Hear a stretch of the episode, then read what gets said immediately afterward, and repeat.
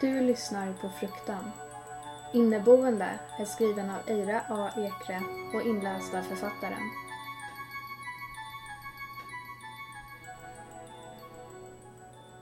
Besatthet sker i tre steg. Hemsökelse, förtryck, besatthet. Demonens mål är att krossa den utvalde. Att bryta ner dem tills de inte orkar mer. Det är först när den utvalde är svag som demonen får sin chans. När de inte orkar göra motstånd längre kan den äntligen ta sig in. Första gången jag ser henne är i köksfönstret. Glaset återspeglar ett rum där jag inte är ensam. Hon står strax bakom mig. Stint stirrande ögon och långa fingrar som stryker min axel. Jag spolar varmvatten tills ångan döljer oss båda och slår sedan på kaffekokaren. Ingen kan förväntas hantera sånt här utan koffein. Nästa gång uppenbarar hon sig i hallen. Jag sitter med blicken i golvet och försöker få på mig ett par stövlar. Det räfflade lädret fläckas av rött och när jag tittar upp står hon där. Rödsprängda ögon och blödande handleder. Munnen är öppen i ett hånleende. Jag ber om ursäkt, säger att jag inte har lust. När hon svävar närmare reser jag mig och skyndar ut genom dörren. Dagens första möte börjar om en kvart. Jag är redan sen och har verkligen inte tid för hennes påhitt. Tredje gången slår hon till på stort. Sovrumsfönstren krossas av en våldsam stormvind. När jag yrvaket får upp ögonen svävar hon någon decimeter ovanför sängen. I hennes vidöppna ögon brinner helvetets eldar. Hennes stripiga hår är missfärgat av alger och droppar träskvatten i ansiktet på mig. När hon öppnar munnen viskar underjordens fördömda och hennes hud krackelerar likt krossat porslin och jag gäspar för jag har varit vaken i mer än ett dygn och vill inget hellre än att somna om. Jag ber om ursäkt igen, för det är så uppenbart att hon har gjort sitt bästa. Försöker förklara att jag jobbat på ett väldigt viktigt projekt. Om hon bara kan vänta ett par dagar så lovar jag att bli rädd nästa gång. Fjärde gången kommer aldrig. Eller snarare, hon försöker inte skrämma mig igen. Ett par veckor passerar innan jag inser att någonting saknas i mitt liv. Min lägenhet känns större, kall och tom. Jag börjar sakna hennes groteska grimaser i spegeln, blodspåren i duschen, men arbetet kallar och jag kan trots allt inte tillåta mig själv att vara orolig över att en osalig ande bestämt sig för att lämna mig i fred. De flesta på kontoret skulle förmodligen föredra att inte vara hemsökta, så jag skärper mig. Vuxenlivet kräver uppoffringar. Det första jag märker är kaffesumpen. Varje morgon väntar ett nytt mönster i botten på koppen. En kub, ett hjärta, ett pentagram. Minimalistiskt, kitschigt och för välgjort för att vara en slump. Jag börjar röra om i kopparna, får ett utropstecken, ett långfinger, en dödskalle.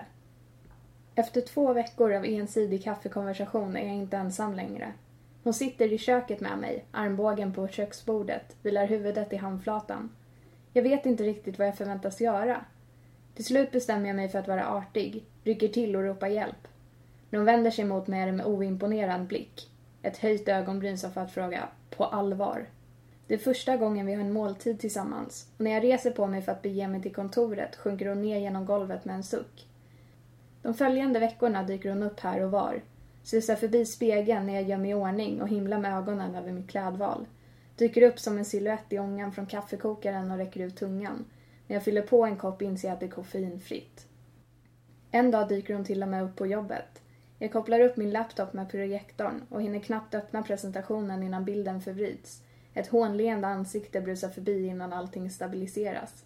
Mina kollegor stirrar på mig, försöker klura ut om jag gjort det med flit. Jag ber om ursäkt och lovar att besöka techsupport innan dagen är slut. I slutändan hinner jag inte ens genomgå en mindre livskris över faktumet att jag bor tillsammans med någon sorts helvetesdemon. Mitt liv blir åter rutin, den här gången anpassad till hennes närvaro. Vi äter middag tillsammans, ser på dåliga tv-serier varje helg, slår på hög musik och headbangar när verkligheten blir för jobbig. Livet blir lite enklare, även om hon har dagar då hon gråter blod och insekter krälar i hennes ögonvrår. Fyller lägenheten med stanken av ruttet, lämnar döda fåglar på min huvudkudde. Jag orkar fortfarande inte bli rädd och jag kan inte förmå mig att vara irriterad heller. Mer än något påminner hon om en väldigt kärleksfull katt som bara måste överösa en med gåvor i form av lemlästade smådjur. Så jag märker inte riktigt att just den natten är speciell. Funderar aldrig över vad vår relation faktiskt kan innebära.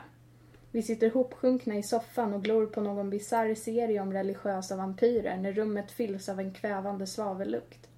Jag sneglar mot henne, himlar med ögonen, höjer mitt vinglas i en skål och sippar av det billiga röda vinet. Har nått punkten i vår relation då hennes brinnande irisar känns lika hemtrevligt som en sprakande kamin. Egentligen säger jag inte så mycket, bara att jag uppskattar att hon stannat med mig, att det känns bra, att hon har blivit lite av en syster och att mitt liv varit rätt ensidigt innan hon dök upp. Hennes huvud snurrar två varv innan hon ser på mig. Ett litet leende leker över hennes spruckna läppar och hennes långa fingrar söker efter min hand. Jag visste inte ens att hon faktiskt kunde vidröra mig. Greppet är hårt, hennes fingrar mellan mina. Ett blåmärke sprids från där hon rört mig. Sjukligt gulgrönt letar det sig upp längs min arm. En tryckande känsla av obehag. Vi har fortfarande ögonkontakt när hon bleknar vid min sida. En elektrisk chock exploderar genom min kropp. Får varje hårstrå att stå på ända. Världen blir otydlig när en hinna växer över mina ögon. Skuggorna i rummet reser sig som skyskrapor runt omkring mig. Hon dansar inuti, rotar runt i min kropp som om det vore ett ostädat förråd. Jag tappar vinglaset, vi tappar vinglaset. Min kropp rycker till och jag har inte kontroll längre. Hennes kropp vrider axeln ur led bara för att hon kan och jag känner ingen smärta. Vår kropp reser sig, går baklänges genom vardagsrummet, tar sig fram till fönstret. Jag kan inte förmå mig att vara arg. Hennes dumheter har trots allt alltid roat mig. Rollerna är ombytta nu och jag har känt henne tillräckligt länge. Blir inte ens förvånad när hon kastar sig ut genom fönstret. Vi faller i höstnatten. Föreställer oss räddningspersonalen rusa till vår hjälp. Drömmer om blodtransfusioner och lättlurade doktorer. Eldsflammor slickar vår kropp när vi slår i asfalten. Jag brinner med henne.